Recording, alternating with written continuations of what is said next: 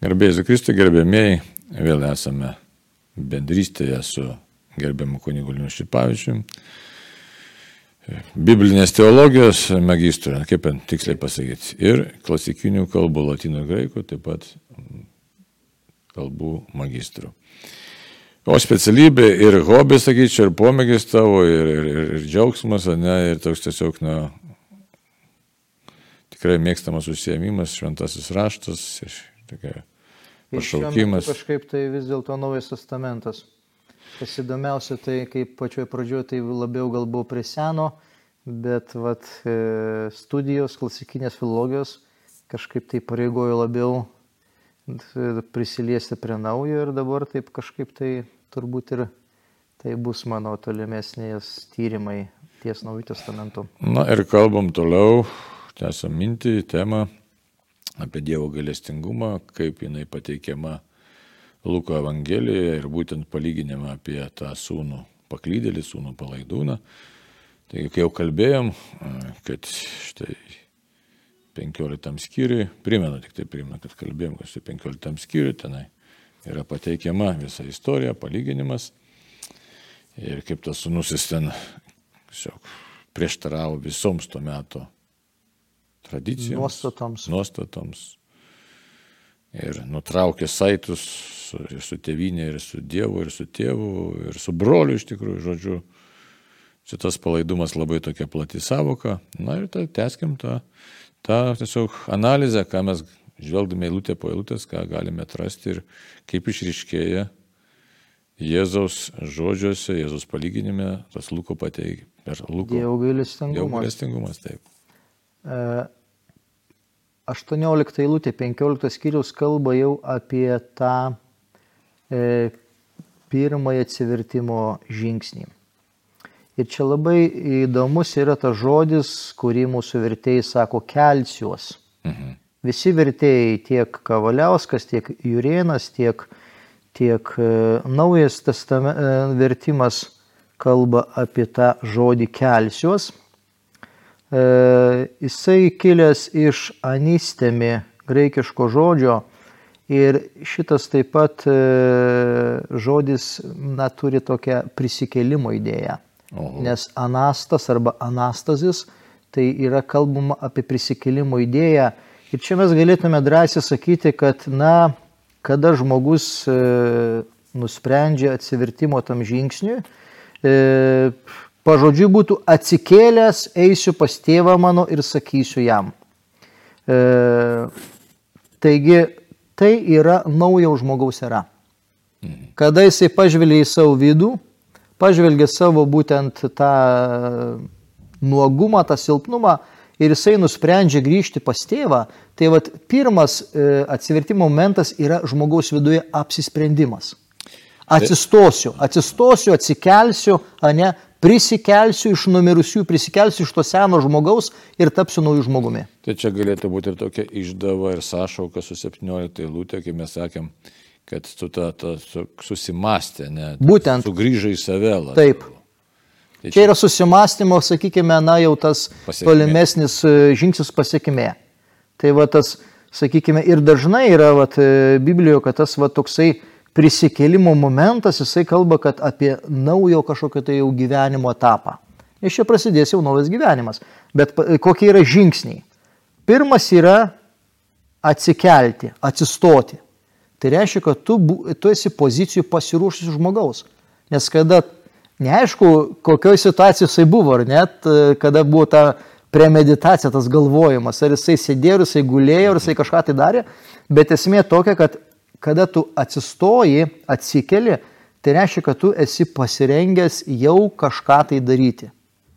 E, galima sakyti ir tas stovėjimas Dievo akivaizdoje, tai tu neguli Dievo akivaizdoje ir nesėdi Dievo akivaizdoje, bet tu stovi Dievo akivaizdoje. Tai čia va irgi atsikelsiu, tai pirmas žingsnis - kelsiuos arba atsistosiu, prisikelsiu.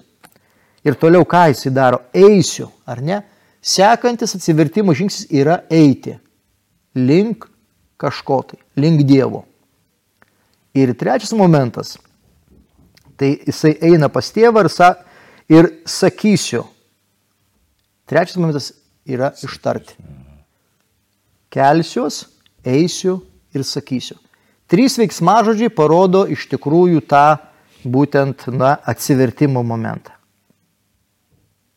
Ir šitie trys veiksmažodžiai, jie paskui funkcionuoja tose na, pasakojimuose apie atsivertimą. Ir tada yra tas nusižeminimas, ta kenozė.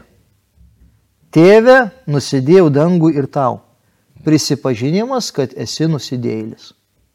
Kad įvykdėjai neteisingą sprendimą. Čia yra labai svarbu. Ir kol žmogus iš tikrųjų neprisipažins ar ne Dievui ir kitiems, kad jisai yra nusidėjėlis, kad jisai padarė klaidą, kad jisai padarė nuodėmę, tol nieko nebus jo gyvenime. Bet čia toks visiškas praregėjimas, jau toks realybės pamatymas akivaizdus.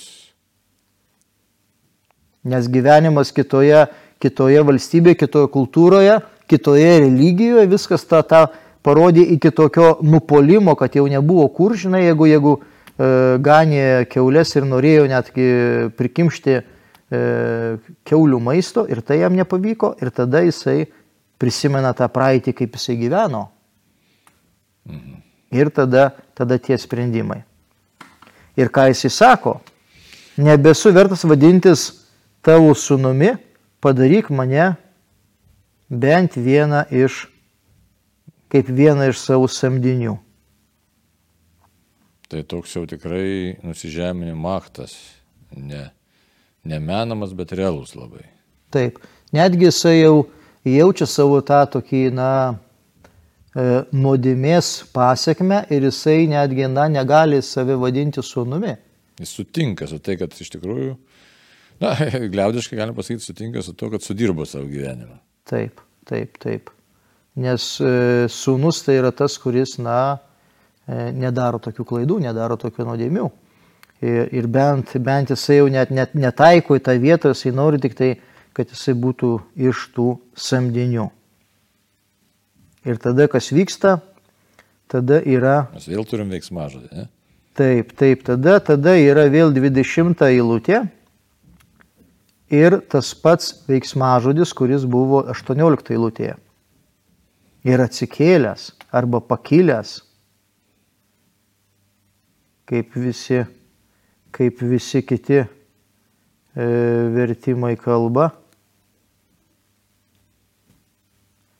Jis ėjo pas savo tėvą, jam dar toli esant, jo tėvas pamatė jį. Bet čia buvo žodis pasiryžo, ne, nebėra pas tave? E, čia yra pasiryžo, yra pas Kavaliauską, jis pasiryžo ir iškeliavo pas tėvą, tėvas pažino jį iš tolo, labai susigaudino, pribėgo prie jo puolė ant kaklo ir pabučiavo. Mhm. Na ir dabar pasižiūrėkime galbūt į tą tokį tiesiogiai graikišką tekstą ir atsikėlęs ėjo pas tėvą savo. Dargi, kai jis toli buvo nutolęs, čia toksai irgi va, autorius papasakoja, kaip iš tikrųjų buvo, ar ne, dar toli buvo nutolęs, toksai dvigubas e, pabrėžtinumas, ar ne? Stilius, jo, pamatė į tėvas jo ir pasigailėjo. Tarytum iš toli jau įvyko tas gailestis, nes e, arba pasigailėjo, arba arba netgi, na, įvyksta ir tas atleidimo momentas. Ir čia tas vat pasigailėjimas graikiškai yra splenhomai veiksmažodis, kuris, kuris va, būtent pabrėžia, pabrėžia tą pasigailėjimą ir tą gailestingumą. Ir splenhomai reiškia iš tikrųjų, na, sužadinti tą gailestį iš žmogaus vidaus. Ir mes iš karto tada periname truputėlį prie hebrajiškos idėjos nes e, lietuviška samprata ir europietiška samprata gailestingumo jinai netitinka Seno testamento biblinė idėja. Nes e, tai yra sudarytas gailestingumas arba lotiniškai misericordija. Yra kor, kordis ir miserere. Gailestingoji širdis. Ir mes turime va tą gailestingumą kaip gailestinga širdis. Ir tarkime, per visas tas europinės kalbas eina. Tačiau, na, graikiškas tekstas jau turi tokio hebrajiško teksto tam tikras e, tokias nuotrupas, nes hebrajiškai yra e, rachamim e, tas daiktavardis, gailestingumas, iš tikrųjų, na, jisai kilęs iš hebrajiško žodžio rechem motinos iščios. Ir motinos iščios simbolizuoja, kad tai yra tas organas, kuris duoda gyvybę. Mhm. Ir kada istoriškai būdavo, kada karalius, pavyzdžiui, užgrobė tenai kažkokią tai šalį, atveda prie jo kojų, jis sėdi sostė, atveda prie jo kojų tuos visus jau pavirktuosius. Ir tas e, pavirktasis, ar tai ten kitas karalius, ar kažkoks tai ten valdininkas, sakydavo, dovanok man gyvybę. Ir tai yra gailestingumas. Mhm. Negailėtis, bet dovanoti jam gyvybę. Ir Dievas yra tas, kuris dovanoja gyvybę. Kada Dievas atleidžia žmogui nuodėmę, jisai leidžia jam toliau gyventi. Mhm, dovanoja gyvybę. Dovanoja gyvybę. Ir tai yra vat, tas tikrasis biblinis, e, biblinė samprata gailestingumo. Tai nėra, kad Dievas tave pasigaili, žinai, jisai Dievas yra ten gero širdies ar ne. Ne, jisai tau toliau leidžia gyventi. Mes turėtume šitoje vietoje suprasti Dievo radikalumą, ta prasme, tiksliau kitaip kontrastą tarp Dievo ir nuodėmės, tarp, tarp to, kas yra blogis mūsų padarytas, kas yra žmogus ir kas yra Dievas. Visai skirtingi dalykai. Ir tai mes, už ten mūsų ir klaidina, neretai tas toks primityviai suvoktas gailestingumas, ne, kad tu čia kažkaip, nu čia kaip ateisiu pas tėvelę ar pas mamytę, pa, paglostys, paglostys užpūs žaizdą ir vėl viskas bus gerai. Ir va štai aš nu, nor, norėjau būtent už tai kalbėti apie tą Dievo gailestingumą, kad parodyti kokia yra biblinė samprata to gailestingumo. Tai nėra geros širdies parodimas, bet tai yra parodimas, kad Dievas yra tas, kuris dovanoja gyvybę. Kai Nes tu jis... ėjai visiškai mirti. Taip. Jis juk ėjo tas visiškai mirti. Taip. Absoliučiai. Nes Dievas turi galę tau dovanoti gyvybę. Tau jisai duoda, duoda nuo pat pradžių, nuo pradėjimo ir jis visą gyvenimą tave laiko ir, ir toliau tave veda per tą gyvenimą. Ir dovano net tada, kai tu viską pats sugriovėsi, bet tas, tas vadinimas, nu, vadinkim, jaunėlis tu iš tikrųjų. Taip. Ne, tai jis tikrai viską sugriovė. Man tai labai norėtų pabrėžti, kad ypač mūsų laikmečio žmonėms, žiūrėk, sugriovė savo santykių su Dievu, sugriovė santykių su tėvu, su, su šeima, su tėvynė su, su e, religiniais e, dalykais, visiškai, ta prasme, nuostatomis, kurios teikia gyvybę. Žodžiu, absoliučiai ką tik įmanoma tą sugriauti. Tai dar ne viskas. Jeigu dar paskui, jeigu ten bus toliau kalbėjimas apie tą... Kalbėsime e, apie tą, apie tą e, religinę prostituciją. Ir, ir kas tada vyksta? Tėvas, tėvas iš toli, iš toli iš tikrųjų pasigailė arba jo netgi jam atleidžia ir pribėgęs puolė ant kaklojo ir pabučiavo jį. Tėvas iš tikrųjų ir vat, Seno testamento Dievas yra tas, kuris pirmas išeina į santykių su žmogumi. Pirmas, kuris išeina santykių su, su savo sunumi, jisai iš tolo jį pamato, jisai iš tikrųjų pasigailėjo ir neįvyksta tas gailestingumas, toliau e, dovanojimas jo gyvybės, jisai tu, gali toliau gyventi ir tas priimimas jį apkabina, apkabina ir pabučiuoja. Tai yra, tai yra labai tas prieimimas vėl to, ką, ką, ką jisai turėjo. Jis priimimas vėl į savo šeimą, į savo, į savo sakykime, na, netgi lygį. Na ir 21 eilutė tada. Sūnus jam tarė tėvę, nusidėjau dangų ir tau nebesuvertas vadintis tavo sūnumi. Tai yra, jisai pasakė tai, ką buvo jau suplanavęs. Va čia irgi labai yra svarbus dalykas kad ką žmogus suplanuoja, ar maldoje, ar ten prašyme, ar ką, ar ne, jisai turi tą įsakyti. Nuosekliai išlieka ištikimas ten. Sakykime, tas nuoseklumas, jisai labai vačio Luko Evangelijoje matomas. Jisai padaro žingsnius, kelsiuos, eisiu pas tėvą ir sakysiu, nusidėjau dangų ir tau, ir jisai ateina ir tą pasako. Nesvarbu, kad tėvas, tėvas įpriima, vat, jau, jau Tai jau jisai... Jis galėjo tai sakyti, kitas, viskas. kitas sakytų, o kaip fainai ir ne, čia mano tėvas priėmė, vėl čia aš turėsiu viską, ką turėjau, ne? Bet jisai padaro tai, ką jisai pasiryžęs. Tai yra labai svarbu. Čia galima kalbėti, kad netgi tam tikro įžado išpildymas. Nes jisai, jisai saky, tarytum jisai savo viduje davė įžadą. Aš tai padarysiu, nueisiu ir pasakysiu. Čia teisingumo darybė iš tikrųjų. Taip. Ir žiūrėkime, kas toliau, 22 eilutė. O tėvas tarė savo vergams. Greitai išneškite geriausią rūbą ir apvilkite jį. Užmaukite jam žiedą ant rankos ir kurpes ant kojų. Kurpes arba, arba sandalus, e, kaip mes čia be pavadinsi, Kavaliauskas sako, paukite kojas. E, pas mane yra išversta sandalai tuo metu. Na ir čia irgi. Čia toks įdomus dalykas. Čia dabar, tikrųjų, čia dabar vat, e, tie trys simboliai, ar ne? Mhm, mhm. Yra kalba geriausias drabužis, bet iš tikrųjų tai yra pirmasis, jeigu žiūrėtume į tą graikišką tekstą, pirmasis, pirmasis drabužis iš tikrųjų simbolizuoja, kad jisai geriausias arba gražiausias. Dabar ką iš tikrųjų simbolizuoja drabužis? Simbolizuoja drabužis tavo orumą. Kada sūnus grįžta pas tėvą ir aišku, čia vat, vat yra dabar tas vat, toksai susipinimas. Labai sunku čia atskirti tą žemišką į tėvą nuo dangiškojo tėvo. Ir, me, ir aš čia norėčiau kalbėti gali labai labiau apie dangišką į tėvą, nei apie tą žemišką tėvą. Kada nusidėjęs žmogus arba kada žmogus ateina pas Dievą, Dievas visada jam sugražina jo orumą. Bet ir būtų prasminga kalbėti apie Dievą, nes matai, kas yra. Juk palyginimo mintis yra parodyti Jėzus Dievo galestingumą. Na gerai. Tai visų pirma, tai e, jam gražinamas tas orumas, kurį jisai prarado, atsiskyręs nuo Dievo ir prarado būtent darydamas nuodėmę. Kada žmogus vat, prieina, eina iš pažinties, Šitie va trys dalykai jam yra sugražinami iš pažinties metu. Tai yra visų pirma jo orumas, kad jisai yra na Dievo kūrinys ir jisai yra orus kaip žmogus. Toliau yra kalbama apie žiedą. Žiedas yra būtent valdžio ženklas. Bet dar ir prie žiedą, žiūrėk, apvilkite jį. Toks labai, momentas labai gražus. Jis iš tikrųjų tikrai tas orumo sugražinimas, jisai nėra šiaip savo toks, bet jam patarnaujama, įsivaizduoji, kokį lygmenį jis pakeliamas iš karto. Taip, taip. No.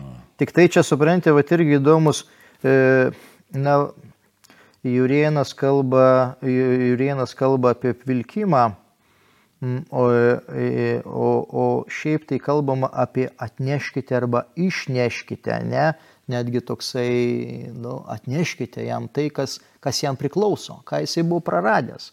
Ir tas, na, aišku, ir apvilkimas yra tarytum toksai, na, tas Dievo toksai malonės. Ir tada kalbama apie žiedą. Duokite žiedą ant rankos, ar ne? Arba užmaukite ant rankos žiedą. Tai yra valdžios simbolis. Tai e, žmogui sugražinama valdžia, kurią jisai prarado būtent nuodėmės pasiekoje. Ir tada užmaukite jam sandalus. Sandalai arba iš vis apavas biblinėje kultūroje reiškia, kad laisvas žmogus. E, vergai vaikščiodavo basi. Laisvi žmonės, kurie nebuvo vergai, e, nešiodavo sandalus arba apavą. Tai reiškia, kad Dievas taip pat e, jam suteikia laisvę. Taigi orumas, valdžia ir laisvė. Ir jeigu žiūrėtume dar į šitą graikišką tekstą, tie, tie batai, tie sandalai, tai jie yra nepaprasti, bet jie e, vartojami arba naudojami kaip e, labai svarbioms iškilmėms, kaip vestuvėms. Tai nėra e, paprastas tas apavas. Mhm. Čia viskas, kas yra, čia yra pats svarbiausias, pats toksai, na, didžiausias, ko, ko iš tikrųjų kasdienybėje to nėra.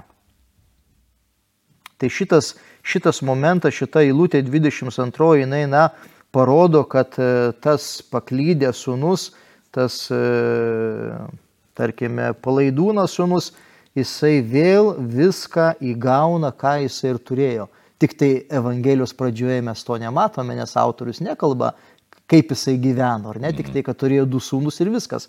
Bet dabar mes matome, kad jam viskas yra gražinama, ką jisai ir turėjo. Ir toliau yra 23 eilutė.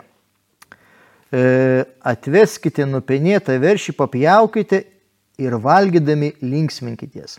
Ir čia labai iš tikrųjų svarbus dalykas, kad mūsų vertimai e, to neižvelgia, aš e, tą tokį padariau įskirtinumą. E, graikiškas tekstas skamba taip. Ir atveskite veršį nupenėtą, paskerskite kaip auką ir valgydami linksminkitės. Mhm. Tai buvo papjovimas ne šiaip savo, kad dėl, kaip mes sakytume, dėl baliaus, bet Aha. papjovimas, kad paukotų auką. Tai čia susijęs su šventykla iš tikrųjų. Čia susijęs su šventykla, bet iš vis čia yra padėkos. Čia, e, čia tas vėlgi mes dabar turime galbūt šitoje vietoje to žemiško tėvo e, tokį, tokį sampratą, kad jisai, na, džiaugiasi, kad jisai grįžo jo sunus ir jisai aukoja viešpačio auką, būtent aukodamas e, tą nupenėtą e, veršį. Na ir žengėme toliau į 24 eilutę. E, nes šitas mano sunus buvo miręs ir atgyjo, buvo pražuvęs ir atsirado ir jie pradėjo linksmintis. Na va štai e, tėvas konstatuoja tą faktą tos aukos, nes tai nėra, tai nėra kažkokia tai puota, tai nėra e, kažkokia tai, sakykime, šventė, bet tai yra visų pirma, žiūrėk, religinis akcentas. Mhm. Iš karto, ar ne, ateina įvykis, papuošiamas sūnus, sugražiname jau visą vertė ir tada yra aukojama viešpačio auka. Tai yra ir padėkos auka, kad štai jisai grįžo. Nes šitas sunus mano miręs buvo ir atgyjo, buvo pražuvęs ir atsirado ir pradėjo linksmintis. Vat. Švesti iš tikrųjų. Tai. Švesti arba, arba sakykime. Nu, galėtume taip sakyti. Galima sakyti, kad, kad būtent graikiškai eufraino, nu tai tokia, žinai, nu galima sakyti, jie tokioj buvo euforijoje, ne? nes buvo, buvo tie dalykai. Ir dabar nuo 25 eilutės prasideda naujas pasakojimas apie vyresnį sūnų. Jo vyresnysis sūnus buvo laukia ir kai pareidamas prieartėjo prie namų, išgirdo muziką ir šokius. Ir čia yra irgi labai nuostabus dalykas, nes graikiškai e, muzika yra simfonija. Tai reiškia, kad jisai, kai da parėjo į namus, jisai girdėjo tobulą skambėjimą. Mhm. Tai, tai įvyko tobulamas dėl to, kad sugrįžo tas sunus. Ir šeima tampa, na, tokioje tobuloje būsenoje. Ir džiaugsme. Ir čia va tas toksai labai labai įdomus dalykas, kad jisai pareina iš lauko ir jisai mato, kad ten yra harmonija. Ten yra harmonija. Pirmas tas toksai susitikimas. Pasišaukęs vieną iš tarnų, jis teirausi, kas čia darosi. Nustebo. Jo. Graikiškas tekstas sako, ir pasišaukęs vieną štanų, tai teirausia, kas galėtų būti tai. Šis jam tarė, tavo brolis parėjo ir tėvas papjovė nupenėtą veršį, kadangi atgavo jį sveiką. Taip iš tikrųjų yra mūsų vertime, o žiūrime graikišką tekstą. Jis gitarė jam, kad brolis tavo atvyko ir paskirdė kaip auką tėvas tavo veršį nupenėtą, nesveiką jį atgavo. Mhm. Tai vad, pasako, kad tai yra, na, įvykusi auka. Ir dabar žiūrėkime, kokia iš tikrųjų 28 eilutė brolio reakcija. Bet jis supyko ir nenorėjo įeiti. Tai visiškai priešinga reakcija, ne, negu esame situacijai. Taip, priešinga reakcija ir matome, na, ta reakcija būtent parodo irgi to vyresnio sunaus iš tikrųjų paklydimą. Nes jisai nepriima to sunaus, kuris grįžo, kuris iš tikrųjų, na, atsivertė, kuris darė atgailą, kuris, kuris vienu žodžiu, na, tikrai yra tas. Ir pasižiūrėkime toj pačioj eilutėje, kokia tėvo reakcija. Jo tėvas išėjęs maldavo jį. Na, maldavo arba arba prašė, galima sakyti, e, vadino jį, kad jisai eitų. Vėlgi tėvas išeina pirmas į santyki ir su jaunesniuoju sūnumi, ir su vyresniuoju sūnumi. Tėvui iš tikrųjų, na, kaip mes sakytume, jisai, jam nesvarbu nusižeminti. Jam kiekvienas e, tas žmogus yra svarbus ir tada mes grįžtame į tuos e, ankstesius du pasakomus apie šimtavių ir apie, apie drachmą, kad jam svarbus yra kiekvienas žmogus. Bet jis atsakė savo tėvui, štai tiek metų tau tarnauju ir niekart neperžengiau tavo įsakymą, tačiau niekartą mane davėjai net ožiuko, kad galėčiau pasilinksmėti su draugais. Ir čia va iš tikrųjų yra toksai labai paslėptas mintis, nes mūsų vertimai kalba apie tarnavimą, bet e, graikiškas tekstas kalba apie vergavimą. Mhm. Ir čia vat, e, daugelis egzegetų kalba, e, kad tai yra to vyresnio sunaus klaida, kad e, ne vienas žmogus Dievui nevergauja. Mhm. O jisai įsivaizdavo tą dievo, Dievui tarnavimą kaip vergavimą. Čia mes matom tą patį, ką jaunesnysis. Noras būti autonomišku, nors, nors kažkokiu momentu pabėgti iš Dievo tvarkos iš tikrųjų. Taip. Tai čia mes bet, savy galim tą atpažinti. Bet, bet čia iš tikrųjų, čia galima sakyti, kad Jėzus, na, juokės iš fariziejų. Aha. Jėzus čia juokės iš fariziejų, kad jūs iš tikrųjų vergaujate Dievo įstatymui. Jūs esate tokie riboti, e, užklesti savo tokiam siauram žvilgsnį, siauram mąstymė. Ir čia galim, galima sakyti, kad Jėzus va ši, šitą vyresnio sunaus tą palyginimą būtent va, lygina su tais fariziejais, kurie ne, ne, ne, neiškrenta iš konteksto, neiškrenta iš šono, ne? jie visą, visą gyvenimą yra teisūs ten, kaip, kaip fariziejaus malda ten dešimtinės, ten iš žolių ten aukas ir taip toliau ir taip toliau. Taip, ir dabar čia toks visiškas nenoras įsigilinti situaciją jaučiamas, tai jis toks savotiškas tas brolis, ne, jis broliškumo tai čia. Nes niekada tavo įsakymo neperžengiau. Čia grinai toksai teisuoliškas e, vergavimas ir e, raidiškas arba vergiškas įstatymo, žinai, laikymasis. Ir dabar kas toliau vyksta 30 eilutė. Ir matai, čia tokia būtis, jis net pažįsta būties pilnatvės kylančios iš santykių su tėvu. Čia net, net pažįstas, reiškia, tai vis tiek skaito, kad aš vergauju laiko ir galėčiau kažkaip atsipalaiduoti, jeigu su draugais pasilinkminčiau, bet ką dabar darysiu, niekas man to neleidžia. Taip. Vergystės. Iškis dvasio yra vergas iš tikrųjų. Taip. Ir žiūrėkite dabar kokį jisai metą priekaištą. O kai parėjo šitas tavo sunus praryjas tavo turtas su paleistuvėmis, jam papjovė nupinėtą veršį.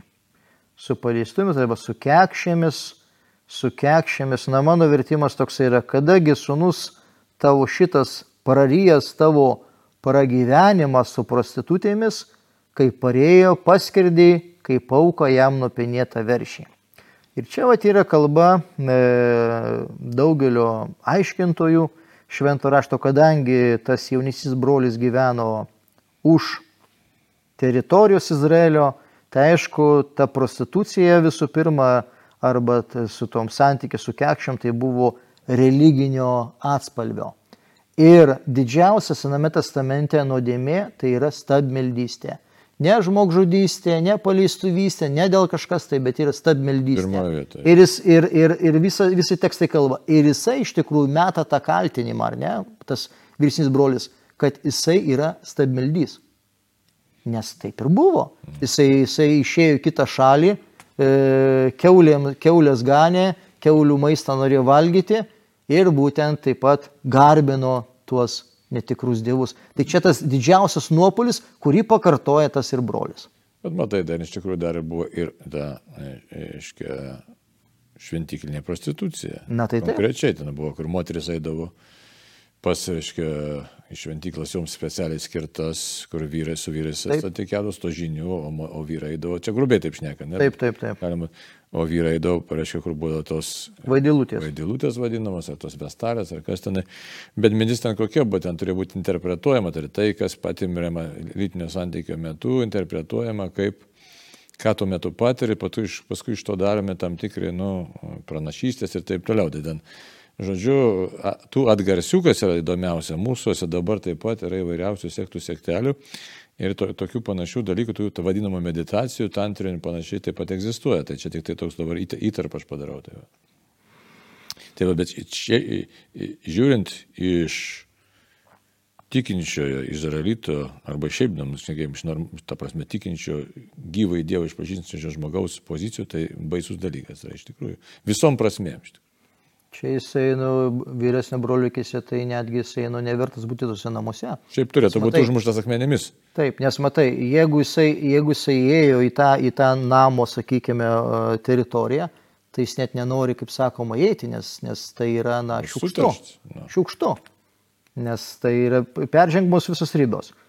Ir tada vat, vyksta irgi dabar vat, pirmas tas gestas, ne, kad tėvas jį pamato, to pirmo sunaus, ne, pasigailį, puola ant kaklo, pabučiuoja. Tai yra va, tas prieimimas. O dabar šito sunaus yra kitas gestas. Jisai sako, uh, 31 eilutė, bet jis jam tarė, vaikė tu visuomet esi su manim ir viskas, kas mano, yra tavo. Ir va tas toksai kreipimasis arba vaikė, arba vaikelė, e, graikiškai teknon, jisai parodo tokį irgi labai glaudų ryšį, kad, e, kad na, tokį artimą ryšį, labai netgi galima sakyti ir tokį meilės ryšį, kad tėvas iš tikrųjų myli juos abu ir neįskiria, kad tenai ana, anas ten, kad jaunesnis tai labiau myli, o šitas vyresnis mažiau myli, bet į šitą kreipiasi irgi labai tokių malonybinių, tokių labai gražių artimų žodžių. Teknon. Jis gitarėm vaikėtų visada su manimėsi ir viskas, kas mano, tavo yra. Reiškia, kad e, tas vyresys sunus iš tikrųjų jisai galėjo naudotis tom visom e, gerybėmis ir, ir tuo ožiuku ir tuo avinu, bet jisai, na, buvo susidaręs tokį įvaizdį, kad, na, jisai tėvui vergauja. Netarnauja, nepadeda. Nesupratimas, iškreiptas vaizdas, kaip ir mes dažnai, ne iš Dievo žiūrim, neturėdami tikro supratimo. Ir paskutinė eilutė, kuri, kuri apibendrina visą kitą, ką, ką jau tėvas pasakė ir pirmoje dalyje, kada tas grįžo jaunesnysis, e, bet reikėjo linksmintis ir džiaugtis, nes šitas tavo brolis buvo miręs ir atgyjo, buvo pražuvęs ir atsirado. Mm. Vat šita 32 eilutė darytum pakartoja tą senesnę eilutę. Linksmintis girdžiaugtis reikėjo, nes brolis tavo šitas miręs buvo ir atgyjo, pražuvęs ir atsirado.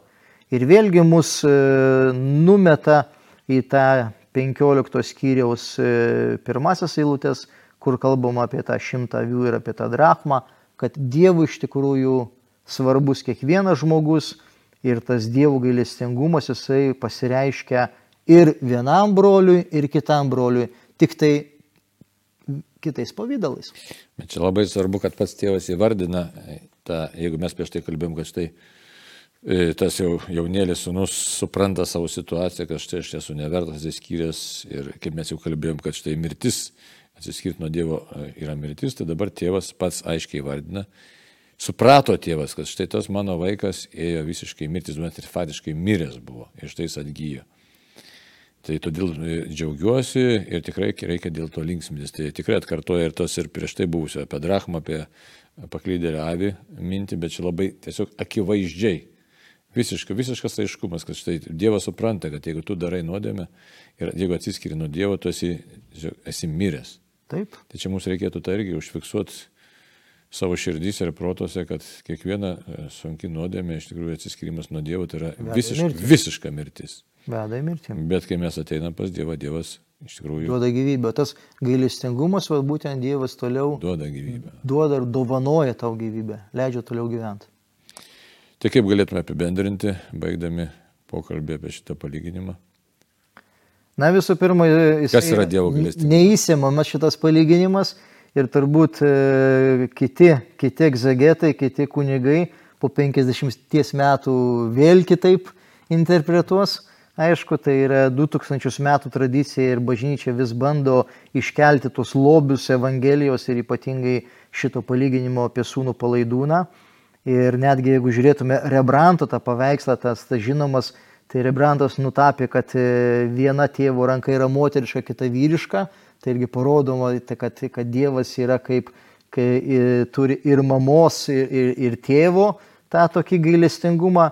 Bet aš tai norėčiau labai stipriai akcentuoti, kad Dievo gailestingumas tai nėra toksai pasigailėjimas, kad tu esi vargšelis, kad tu esi, žinai, vat, e, kažkokia, kažkoksai tai supranti, skurdžius arba, arba tenai bėdžius ir va tau, bet Dievas yra tas, kuris tau dovanoja gyvybę. Bet norint, kad tau dovanotų gyvybę arba kad leisų tau toliau gyventi, tu turi daryti atsivertimo žingsnius ir paskui po atsivertimo žingsnių tu turi drąsiai išsakyti, ką tu nori, arba drąsiai prisipažinti savo klaidą, savo nuodėmės.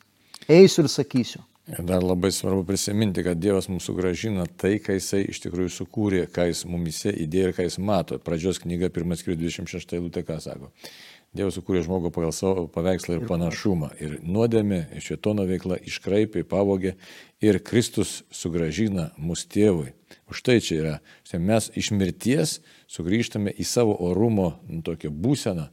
Orumas, tai, valdžia ir laisvė. Tai, trys dalykai. Ir, ir, vat, Ir va, žmogus, jisai ypatingai turi tą prigimnę, tą tokią laisvę, jisai iš tikrųjų yra laisvas. Rūmas, valdžia ir laisvė, supraskim, taigi mūsų tapatybė yra tikrai būti tikrais Dievo. Net nesakau vaikų, įvaikiai, nu tikrai įvaikiais, bet tikrais Dievo žmonėmis, Dievo vaikais, Dievo įvaikiais, kuriems yra būdinga tikrai orumas, valdžia, valdžia laisvė. Ir laisvė. Tai dėkojom gerimas Linai, labai ačiū ir lauksime sekančių susitikimų, toliau sklaidant šventą raštą puslapius ir būkim visi palaimti, saugokim savo orumą, dievišką valdžią, mums duodama Dievo ir laisvę. Ir laisvė. Sudė. Te laiminus Dievas, sudė.